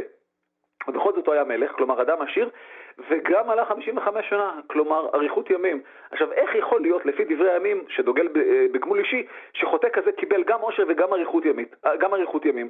זה לא יכול להיות. Mm, אז מה הפתרון? צריך להסביר את זה איכשהו. נכון, מה mm. הפתרון? החזיר אותו בתשובה. ובתור בעל תשובה הוא עבר מצד, הצדיקים, אה, מצד החוטאים לצד הצדיקים, ולכן הוא קיבל אריכות ימים. עכשיו שימי לב מה כתוב, וידבר אדוני למנשה ולעמו ולא הקשיבו. זה מדברי הימים, כן? ויבא אדוני עליהם את שרי הצבא אשר למלך אשור, זה חשוב, וילכדו את מאנשי מכוחים ויאסרו בנחושתיים, ויוליכוהו בבלה. עוד גם שתי דברים חשובים, שני דברים חשובים, וכי עצר לו חילה את פני אדוני, חילה הכוונה המתיק, אדוני אלוהיו, ויחנה מאוד מלפני אדוני אלוהיו, ויתפלל אליו ויעתר לו, וישמע תחינתו, וישיבו אל ירושלים במלכותו, דילגתי קצת, ואחרי כן, אחרי שהוא חזר, בנה חומה חיצונה לעיר דוד, מערב על הגיחון בנחל ולבוא בשער הדגים, אה, וישם שרי החיילים בכל הערים הבצורות ביהודה, ויסר את אלוהי הנכר ואת הסמל מבית אדוני וכל המזבחות אשר בנה בהר בית אדוני ובירושלים, וישלך החוצה לעיר, ויבן את מזבח אדוני, ויזבח עליו זבחי שלמים ותודה, ויאמר ליהודה, לעבוד את אדוני אלוהי ישראל. אז רגע, אז הוא חוזר בתשובה באופן אישי וגם מחזיר אחריו את, את, את כולם. את כולם. אוקיי. חזרה בתשובה מוחלטת, גם הוא וגם למעשה, כי הוא בתור המלך הוא גם מייצג את העם. לפי הסיפור הפשוט הזה, מנשה נאסר על ידי שרי מלך אשור, חזר בתשובה, אלוהים החזיר אותו אה, לירושלים, מנשה ביצר את ירושלים והורה לעם לעבוד את אדוני, אלוהי ישראל, ויש לנו פה סוף טוב. אבל כמו שאת יודעת שרון, שום דבר לא כזה פשוט כמו שזה נראה, ויש בקטע משהו צורם. עכשיו, אה, היו כאלה שאמרו, זה בעל דברי הימים חרטט לנו פה איזה סיפור, כי הוא רצה להצדיק את החזרה שלו בתשובה. א', יכול להיות שהוא רצה להצדיק את החזרה שלו בתשובה, אבל יש פה משהו מאוד צורם, משהו שמעניק לסיפור אמינות היסטורית. עכשיו שימי לב, מי שלכד את מנשה היו שרי מלך אשור, ובירת אשור היא ננבי. והשאלה היא פשוטה, מדוע מנשה מלך יהודה ילך לבבל כדי לפגוש את מלך אשור? תארי לך למשל שאת מקבלת הזמנה לסעודה חגיגית עם אליזבת מלכת אנגליה, ואת מוזמנת לפריז. זה פשוט לא מסתדר, זה לא הגיוני. שאלה, מדוע ספר דברי הימים הכניס פרט כזה שגוי? עכשיו, התשובה היא שכנראה הפרט הזה הוא מדויק מאין כמותו, ומה שמעניק אמינות היסטורית לסיפור. שימי לב, עכשיו, מלך אשור באותה תקופה היה אשור בניפל. היה לו אח, אולי אח תאום, בשם שמה שום אוקין. אה, אביהם, המלך הסרחדון שגם נזכר בתנ"ך, חילק את האימפריה שלו לשני חלקים. אשור בניפל, מלך אשור, ושם שום אוקין, מלך בבל, הכפוף למלך אשור. אבל כמו שקורה מדי פעם, פרצה מלחמה בין השניים, ואשור בניפל מלך אשור צר על העיר בבל שלוש שנים, בין 651 ל-648 לפני הספירה. בסופו של דבר הוא הצליח לכבוש את העיר בבל וגם שרף את אחיו המורד. עכשיו, זה לא רק ברור מדוע מנשה פגש את מלך אשור בבבל, כי הוא היה שם, אלא אני גם יכול אה, להגיד לך שזה היה בין 651 ל-648 לפני הספירה. עכשיו, חשוב להבין דבר נוסף. בשלב הזה האימפריה האשורית נמצאת כבר בראש, בראשית תהליך הדעיכה שלה.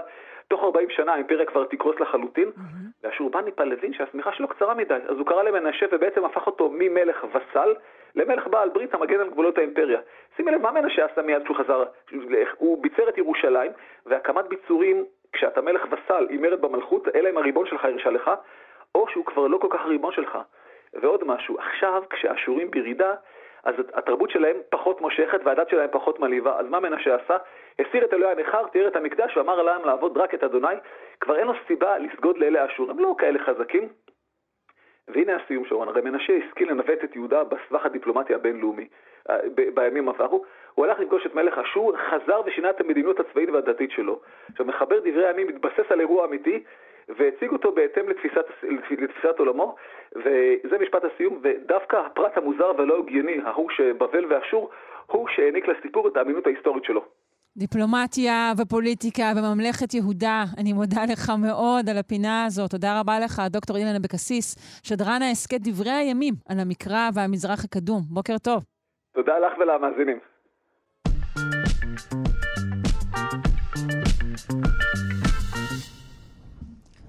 ליבת כדור הארץ, לא מה שחשבתם. Uh, מסתבר שליבת כדור הארץ נעה לאט יותר דווקא מאשר פני השטח החיצוניים, והיא גם משנה כיוון כל מספר שנים. Uh, נשמע על הגילויים החדשים הללו מהפרופסור רועי גרנות, מומחה לגיאולוגיה וגיאופיזיקה באוניברסיטת בן גוריון. שלום. שלום, שלום. מה ידענו, או חשבנו שידענו עד היום על ליבת כדור הארץ? אז הליבה מורכבת משני חלקים, מחלק פנימי מוצק וחלק חיצוני נוזלי. בעצם החלק הפנימי המוצק, סוג של צף בתוך הנוזל הברזלי שמקיף אותו. ומה שידענו עד היום זה שמהירות הסיבוב של החלק המוצק מהירה משל כל שאר כדור הארץ. ומה ש, שהמאמר החדש מראה זה ש... קצב התנועה שלו משתנה כל שש שנים. זאת אומרת, יש תקופה שהוא מסתובב יותר מהר מכדור הארץ, ויש תקופה שהוא, אה, שש שנים אחר כך, שהוא אה, זז לאט יותר. כל שש לאט. שנים זה, זה, זה, זה משהו מדויק? אז אה, זה, המדידה הזאת מבוססת על נתונים סייסמיים, על המעבר של גלים דרך כדור הארץ, החוקרים מבצעים הדמיה של, של מרכז כדור הארץ. זה מאוד מסובך, ויש מעט מאוד נתונים אה, מדויקים שיכולים להראות את זה. אז מה שהחוקרים השתמשו בעבודה הזאת, הם השתמשו בפיצוצים גרעיניים מסוף שנות ה-60. האמריקאים פוצצו שני ניסויים מאוד מאוד חזקים באלסקה, והם השתמשו בתחנות הסייסמיות שהיו קיימות באותה תקופה כדי להקשיב לרעש, איך הוא עובר דרך כדור הארץ. אמ, אז, אז כן, זה, זה, זה, אלה הן התוצאות בעצם. שלאורך לאורך כמה שנים אנחנו בעצם אה, מדברים, כשאנחנו רואים כל שש שנים? זה, זה רק מהמאה ה-20, כמו שאמרת, שזה עוד הולך אה. הרבה הרבה אחורה? אז אין לנו נתונים, ו... אמ, זה בעת, העבודה הזו זה הפעם הראשונה שמראה שינוי בכלל. זאת אומרת, רואים שבסוף שנות ה-60 הוא זז לאט יותר מכדור הארץ, ובתחילת שנות ה-70 זז מהר יותר. עכשיו, זה כל מה שאנחנו יודעים, לא יודעים יותר מזה. אבל מה שרואים זה שבאותו זמן, מהירות סיבוב כדור הארץ, אוקיי? לכדור הארץ לוקח להשלים סיבוב כיממה, אבל הזמן הזה, הוא, היממה משתנה עם הזמן, כן. אוקיי? ו, אה, ואת זה אנחנו כבר כן יודעים על פני, יש רקורד די ארוך של משהו כמו 50 שנים, ורואים שכל שש שנים באמת יש אה, אוסילציה, יש שינוי. שש שנים הוא, הוא כדור הארץ מסתובב בערך בשלוש אלפיות השנייה יותר מהר, ואז שש שנים שהוא זז יותר לאט. וה, בעבודה הזאת מראים שהמהירות שה, סיבוב של הגלין הפנימי קורלטיבי לטרנד הזה של כל סיבוב כדור הארץ. זאת אומרת, אז הם, אז הם מניחים שאומנם רואים את זה רק בתקופה בסוף שנות ה-60, תחילת שנות ה-70, אבל הם מניחים, או הם רוצים להניח שזה מייצג וקורלטיבי למהירות סיבוב כדור הארץ על פני כל התקופה, ולכן זה כפי הנראה, אם זה באמת נכון, אז זה אומר ש... כן, שגם הגלין הפנימי של כדור הארץ, יש לו את האוסילציה הזאת, כן. השינוי הגלי הזה. אני חשה אה, קומץ של סקפטיות אה, בדבריך לגבי המחקר הזה, אני טועה? אה, לא, את לא טועה. המחקר עצמו אה, מאוד יכול להיות שהוא נכון, אבל כמו שאמרתי, הוא מבוסס על סנפשוט, על צילום, תיעוד רגעי בסוף שנות ה-60 של התהליך. מכאן ועד להגיד שהתהליך הזה הוא, הוא באמת מחזורי והוא קורה, והמחזור הזמן שלו כן, שש שנים. נכון, בדיוק. אנחנו mm-hmm. לא יודעים. כן. אנחנו לא יודעים, אבל... וגם מאוד מעניינת השאלה למה זה בכלל קורה. בדיוק. יש לך, יש, יש לך או לחוקרים אה, לא, אה, מאמר השערות? לא, לא יודעים. אז אנחנו גם לא יכולים להשליך מזה בעצם כרגע שום דבר, אם אנחנו לא יודעים מה הסיבה, נכון? נכון. אוקיי, ונשאל שאלה מכיוון אחר. בעצם למה לפני כן חשבו שהוא אה, באופן רציף אה, אה, נע מהר יותר? כי אה, היו מספר מדידות מש, אה, שמבוססות על רעידות אדמה משנות ה-60 וה-70, שהראו ש... שהציעו שהגלין זז מהר יותר מכדור הארץ. אמ, הבעיה היא שהם השתמשו בנתונים שהגיעו מרעידות אדמה. הם השתמשו בקרינה, בגלים שעוברים דרך כדור הארץ מרעידות אדמה. ורעידות אדמה, אנחנו לא יודעים בדיוק בדיוק באיזה עומק הם התרחשו, ומה, ובכלל מה מיקומן של רעידות אדמה. החוסר ודאות הקטן הזה משליך גם על התוצאות של העבודות האלה. Mm-hmm. זה חוסר ודאות פה... קטן? כשאתה אומר קטן, שוב, תן לנו מושגים, אנחנו בעצמנו אנשים קטנים. כשאתה אומר שלא יודעים אה, אה, איפה אה, רעידה אדמה קורית, על, על, על איזה סטייה אנחנו מדברים? קיל... נגיד עשרה קילומטרים סטייה. Mm-hmm. ועשרה קילומטר סטייה גוררת אי-ודאות על כמה זמן לוקח לגלים לעבור דרך כדור הארץ, כי אם הרעידה היא טיפה יותר רחוקה ממך, מן הסתם גם לוקח לגלים יותר זמן להגיע. ואז זה שהם חשבו שהסיבה לזמן הארוך יותר, נגיד, בהגעה של הגלים, קשור לסיבוב הגל... הליבה של כדור הארץ, זה פשוט שגוי אולי. והחידוש כאן שהם השתמשו במקור שאנחנו יודעים בדיוק איפה הוא מוקם. זה הפיצוצים הגרעיניים. Uh, הבעיה היא שיש מעט מאוד פיצוצים גרעיניים uh, שהתרחשו, uh, זאת אומרת, זה הכל התרחש בתקופה מאוד קצרה יחסית. כן. הניסויים של האמריקאים, ולכן אנחנו יודעים רק בפרק זמן מאוד נתון מה קרה שם בליבה החיצונית של כדור הארץ. טוב, אז עוד מוקדם להסיק, אבל uh, מי יודע מה יהיה בעתיד. פרופ' רועי גרנות, מומחה לגיאולוגיה וגיאופיזיקה מאוניברסיטת בן גוריון, אני מודה לך מאוד. תודה, יום טוב. להתראות.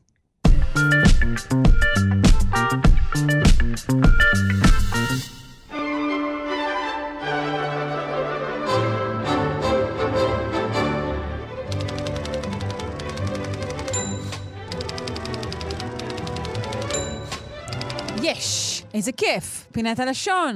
שלום, בוקר טוב לדוקטור סמדר כהן, לשונאית הבית. מה שלומך? טוב, יש, איזה כיף שיש כזאת מתלהבת מפינת הלשון. אני קרועה על פינת הלשון, אני די. חולה על פינת הלשון. לא, בלי, בלי להיות חולה. נכון, נכון. זה, לא, רציתי לבדוק מתי תעצרי אותי, באילו ביטויים אוכל להשתמש עד שתגידי... אוקיי, בסדר. היום אנחנו, לרגל שבוע הספר, נדבר על, על, על מקור המילה ספר? כן, וגם נדבר באופן כללי על מקורו של שבוע הספר, אם תרצי. אמ, כי, כי כאילו אנחנו חוגגים את שבוע הספר ואנחנו לא לגמרי מבינים אה, בעצם למה. חוץ מזה שעכשיו זה כאילו מין סוג של חגיגת אה, הנחות, או מין אירוע... עוד אירוע צרכני בלוח השנה. בדיוק. למרות שסתם, אני סתם פה צינית, זה, זה עדיין החג האהוב עליי.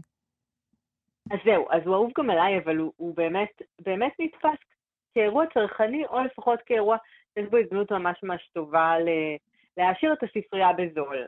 אה, אבל אם נלך רגע לעומק של זה, אז הוא לא נולד סתם, לא סתם קוראים לו, כאילו אנחנו קוראים לו היום שבוע הספר, אבל השם האמיתי, המלא, המקורי שלו היה שבוע הספר העברי, אה, שזה בעצם העניין. העניין היה לחגוג את העבריות שבדבר. יש בעצם שני, אה, שתי דעות על מתי התחיל בכלל שבוע הספר העברי. גרסה אחת אומרת שהפעם הראשונה שלו הייתה בדצמבר 1925, Uh, במסגרת אירועים של גדוד uh, מגיני השפה, אנחנו, אני לא בטוחה אם הספקנו לדבר בזמנך על גדוד מגיני השפה, אבל זה החבר'ה לך שבאו אכפו את, את הדיבור העברי בארץ בשנים הראשונות, שבעצם הם אמרו, לא יכול להיות מצב כזה ש... עם ישראל חזר לארצו והוא לא מדבר עברית. העברית היא חלק מן הקיום, היא חלק מן הלאומיות, היא חלק מן המשולש, שגם אליעזר בן יהודה בעצם אה, אה, היה הראשון אולי שקשר ככה בין שלושת הקצוות שלו, אה, אחד זה העם העברי, שתיים זה הארץ, הארץ העברית, ישראל, ארץ ישראל שעוד לא הייתה מדינת ישראל, והדבר השלישי זה כמובן השפה העברית. ואליעזר בן יהודה במאמר הראשון שהוא כתב בחייו, בגיל 20, אה, אה, אומר שבלי השפה העברית לא יהיה העם העברי, בלי העם העברי לא יהיה הארץ העברית, בלי הארץ... בקיצור, את מבינה, אה, דבר כרוך בדבר. בוודאי, כי בלי שפה אין גם מחשבה. נכון, אז הוא אומר... מחשבה צריכה להיות עברית. זהות, אין לאומיות, אין, אין, אין תחושת שייכות למשהו. Mm-hmm. והוא אמר שכל הדבר הזה לא יכול לקרות בחו"ל. זאת אומרת, אה, את יודעת, אה, כן היו אנשים, שוב, אנחנו נכנסים לוויכוח המאוד אה, מבעבע כל הזמן ברקע, האם כן או לא דיברו עברית כל השנים, האם העברית מתה ואז הוחייתה, או שמא היא הייתה חיה, אבל חיה בהקשרים מסוימים. אמ, ואליעזר בן יהודה מודע לזה שיש אנשים שמדברים עברית בגולה, בניכר, והוא גם מודע לזה שכנראה רבים אה, מדברים, או לפחות עוסקים בעברית באיזשהו אופן, כמובן מתפללים בעברית, קוראים בבית הכנסת בעברית, לומדים אה, לעלייה לתורה בעברית, אבל, אבל אומר, זה לא מספיק. זה שאתם יושבים בארצות אחרות, לא מאפשר לכם באמת לעשות את, הקימום של העם היהודי, של העם העברי. ולכן החובה היא לבוא לארץ. ואז כשבאו באמת לארץ, אה, אליעזר בן יהודה וחבריו החלו בהחייאת העברית או בהעברת העברית להיות שפה שמשמשת אה, אה, לשימוש היומיום, ואחד הדברים הראשונים שקרו זה חבורה של נערים ואנשי, ואנשי תרבות שהקימו את גדוד מגיני השפה, שאחד הדברים הראשונים שהם עשו זה מלחמת הלשונות, העניין של צריך ללמד בעברית בארץ, גם בטכניון, אגב, טכניון ולא טכניון, כמו שרבים אומרים, אה, טכניון בעברית, ממש סיומת יון, און, כמו שאנחנו מכירים, אגב, גם קניון וחניון, כולם אותו הדבר, הטעם, ההדגשה היא בסוף. כן, אה, הקניון הוא זה שבטבע, והקניון הוא זה בו אנחנו רוכשים אה, סחורה מיותרת, בהחלט. מעולה, אם אנחנו כבר בענייני צרכנות, אז כן, זה, הקניון זה זה. אה, ובאותה תקופה באמת גדוד מגיני השפה מסתובב ואומר לאנשים שמדברים לא עברית, נותן להם קנסות, נוזף בהם. ממש פועל באופן אגרסיבי להשליט את העברית. אגב, הוא גם נזף אה, לא אחת מביאליק, למשל, על שדיבר לא עברית. יש סיפורים מאוד אה, מגניבים על זה, אולי פעם אה, עוד נדבר. נכון, כי אני רוצה להגיע לשני דברים. ראשית. אפשר, אפשר, יש לי שתי שאלות. אוקיי. אז רק אני אשים שנייה, ורק כן. נאמר, גרסה אחת היא שבאמת גדוד מגיני השפה, כחלק מהנחלת העברית והדיבור העברי וכולי, הוא זה שהגה את שבוע השפה והתרבות, כך קראו לו, שבוע השפה והתרבות, לזכרו של אליעזר בן יהודה, והוא קבע אותו בימי החנוכה, שזה בערך אה, מתי שמת אליעזר, אבל אה, בגרסה אחרת, שבוע הספר העברית התחיל רק ב-1926, הוא התחיל בתל אביב, והוא לא היה קשור בשום צורה לגדוד מגיני השפה, אלא סופר הארץ. כלומר, אחד מכתבי העיתון הארץ. ש... נכון, אה, זו הגרסה שאני מכירה, ובה היא כבר נקבעה בעונה בשנה שאומנם לא יורד בגשם, אך, השמש קופחת על רוכשי הספרים. הוא נקבע אז בחול המועד פסח, ואז הוא עבר, כלומר, בפעם הראשונה הוא היה בחול המועד פסח. רק ב...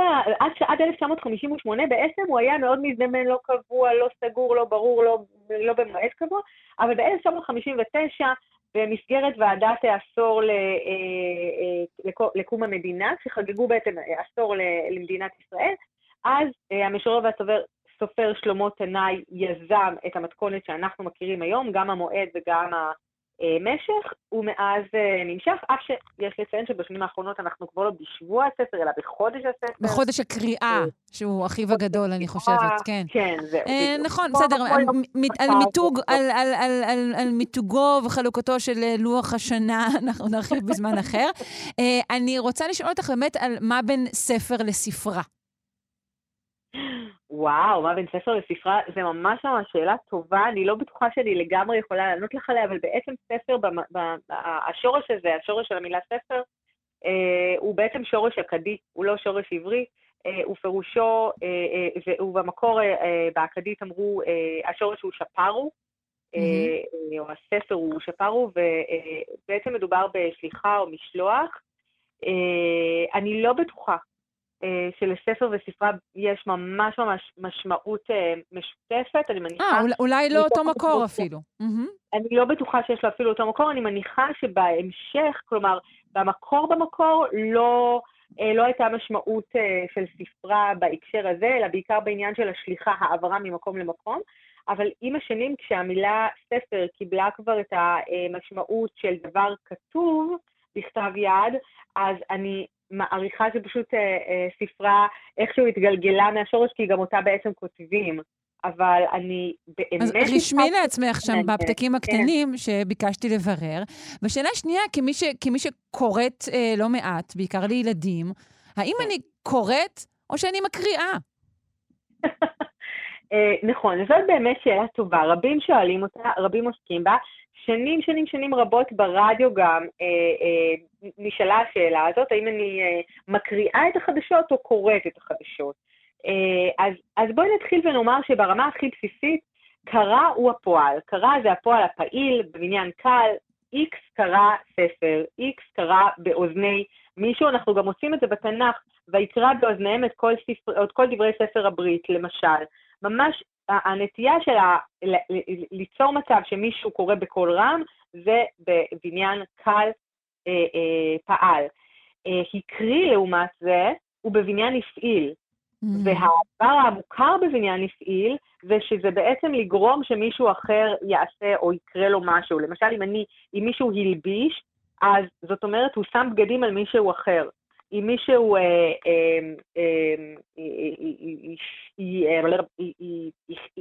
הכניס, אז הוא גרם שמישהו אחר ייכנס, נכון? אז אותו הדבר הקריא. בעצם במקור, במקור, במקור, הקריא פירושו אה, לגרום לזה שמישהו אחר יקרא. אה, יקרא, לא ישמע, יקרא, אוקיי. נכון, כשאת mm. מקריאה את בנך, על פי המקורות שלנו, המשמעות היא, אגב, לא מקריאה לבנך, אלא את בנך, את, את בעצם גורמת לזה שהוא יקרא, את קוראת... למה? אבל אם אני מכאיבה, אז אני לא גורמת למישהו אחר להכאיב, אלא הוא, אני גורמת לו כאב. נכון, ואותו הדבר, כשאת מקריאה, את גורמת למישהו אחר קריאה, את גורמת לו לקרוא, אבל את לא, את לא גורמת לו להקריא. בעצם, בעצם בלהקריא את בנך, אנחנו אומרים, המשמעות היא שאת קוראת וגורמת לזה שבנך, למשל, יחזור אחר קריאתך שלך. זה הדבר המקורי. אה, כן מצאנו אצל סופרי העת החדשה אה, את השימוש בעקרי כקרא בקול באוזני מישהו אחר, מה שאנחנו משתמשים בו הרבה פעמים בשפה כן, מדוברת. זה, אתה גורם לקריאה באופן עקיף, יש בזה היגיון גם בהתחשב במה שאת אמרת. נכון, אז את צודקת. אז אני חושבת שבשלב מסוים האקדמיה הגיעה להבנה שהעברית כאן התפתחה ועשתה איזשהו מעבר מקרא לעקרי, ונתנה לעקרי את המשמעות של לקרוא בקול רם באוזני מישהו אחר, כלומר להקריא סיפור. אז כרגע שתי, אמרה, שתי הצורות נכונות? אז היא אומרת, נכון, אז האקדמיה לא אומרת שתי הצורות נכונות, אבל היא אומרת, אנחנו לא נכריע כאן. מי שרוצה לדבוק בעברית הקלאסית ולומר, אני קורא לך סיפור, יאמר, אני קורא לך סיפור. מי שרוצה ללכת אה, בעקבות העברית החדשה והתפתחותה, שהיא פחות מדויקת אולי, ופחות מקורית אולי, אבל עדיין קיימת לחלוטין בעברית אה, בת ימינו, יכול להקריא סיפור לילדיו, אמ, אני משתדלת, אגב, לקרוא סיפור. כן, אבל... גם אני משתדלת, אבל אני תוהה אם, אם אני תוהה שמא התעריף שלי בהקראה הוא גבוה יותר. אה, אנחנו צריכות לסיים.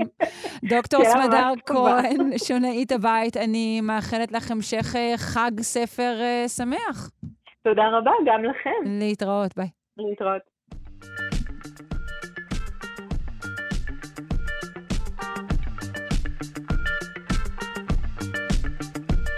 ועד כאן, שלושה שיודעים לבוקר זה, אני שרון קנטור, העורכת שלנו היום היא אלכס לויקר, המפיקה דניאל פולק, על הביצוע הטכני אלון מקלר. ניתן להאזין לנו גם בשידור החוזר בשעה שמונה בערב, או בצורה של הסכת ביישומון של כאן, אה, ואנחנו נבטיח להיות כאן גם מחר. המשך יום טוב.